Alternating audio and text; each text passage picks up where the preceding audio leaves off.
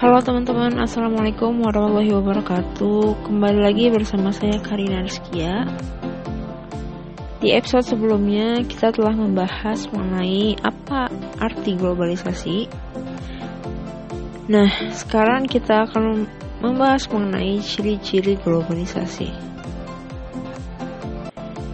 Di sini saya akan menguraikan secara singkat dan padat tentang ciri-ciri globalisasi disertai contohnya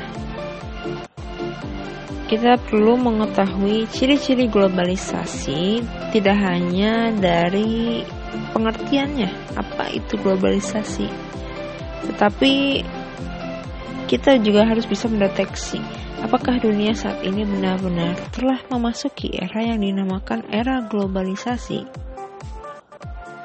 Nah langsung saja kita bahas apa itu ciri-ciri globalisasi. Apa saja ciri-ciri globalisasi?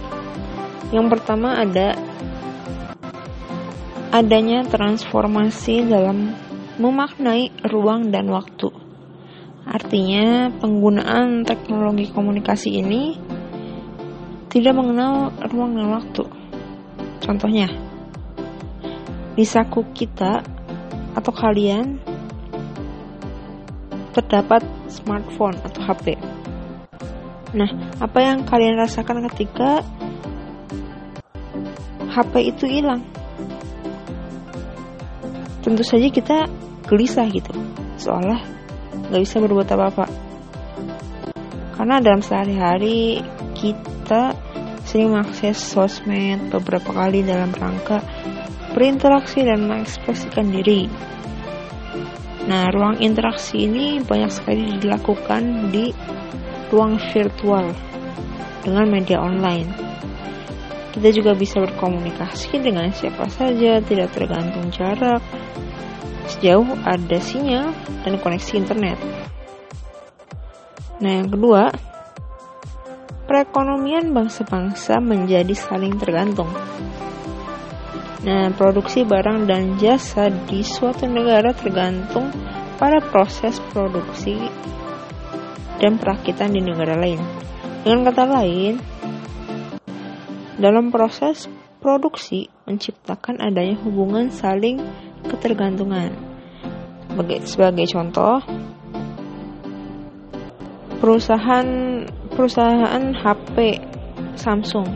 Nah, tidak bisa berproduksi tanpa proses perakitan di desa-desa di Cina Pabrik perakitan yang berada di Cina ini memungkinkan terciptanya biaya produksi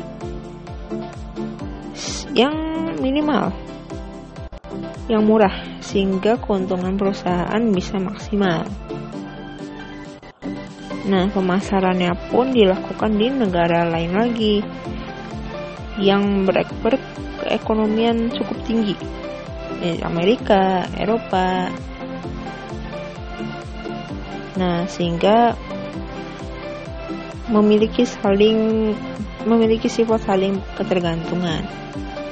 Nah, yang ketiga, terdapat pertukaran ide dan informasi yang cepat melalui media. Nah, biasanya kalau ada uh, apa kalau ada yang sedang tren di negara lain, misalnya tempat makan favorit kita adalah tempat makan yang menyajikan menu berbau globalisasi. Makanan-makanan siap saji, seperti McDonald kalau ada menu baru pasti kita ingin mencobanya. Pasti uh, kita dapat informasi-informasi itu cepat gitu ya. Melalui jaringan internet melalui media contoh lain nah selera kita nih biasanya nonton film atau musik, fashion, travel, dan sebagainya.